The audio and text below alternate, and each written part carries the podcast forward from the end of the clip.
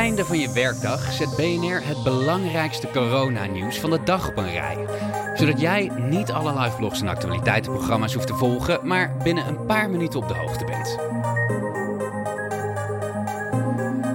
Ik ben Connor Klerks en dit is de Coronacast van 27 maart. Vanuit mijn eigen woonkamer, dus het klinkt iets anders dan de normale studio. We beginnen bij ondernemers. Want de ondernemers die een beroep doen op de steunmaatregelen van het kabinet, die moeten eerst zelf diep in de buidel tasten. Ze betalen vooraf een provisie van soms wel duizenden of tienduizenden euro's.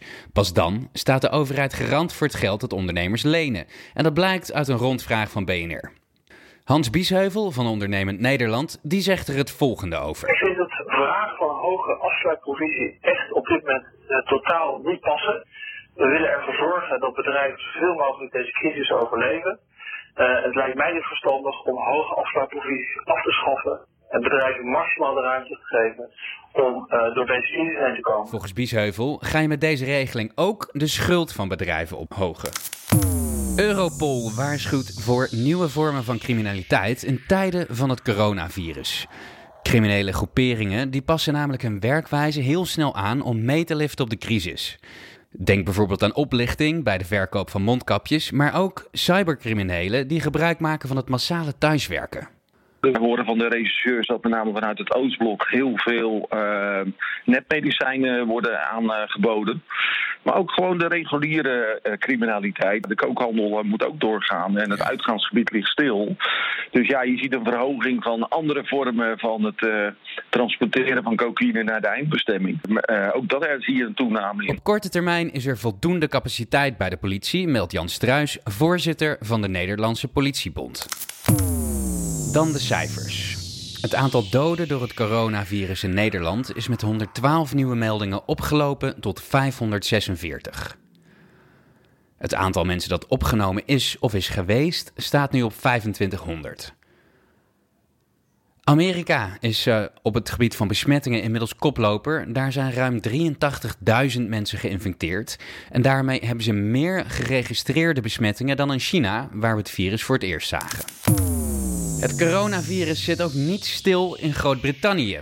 De Britse premier Boris Johnson en zijn gezondheidsminister Matt Hancock zijn beide besmet met het virus.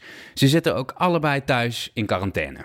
I've developed mild symptoms of the coronavirus. That's to say, a temperature and a, a, persistent cough. And on the advice of the chief medical officer, I've taken a test that has come out positive. En ze zijn niet de enige bekende mensen. Ook de zanger van de Duitse band Ramstein, Till Lindemann, is opgenomen op de intensive care. Bij de zanger is het coronavirus vastgesteld. Speciaal voor hem, maar ook voor alle andere mensen. Een klein beetje herrie in de coronacast.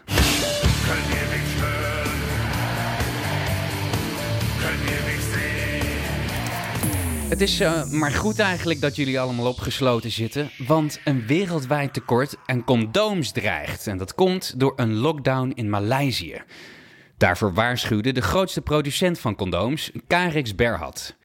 Eén op de vijf verkochte condooms wereldwijd wordt door het Maleisische bedrijf gemaakt. Is er ook goed nieuws? Jazeker wel.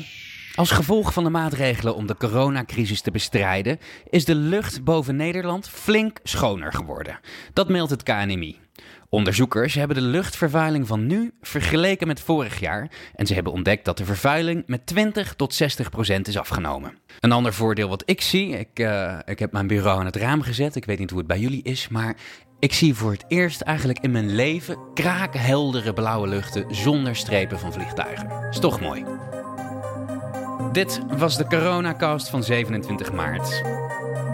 Houd het allemaal veilig en uh, in de woorden van Mark Rutte... Let een beetje op elkaar. Ik reken op u.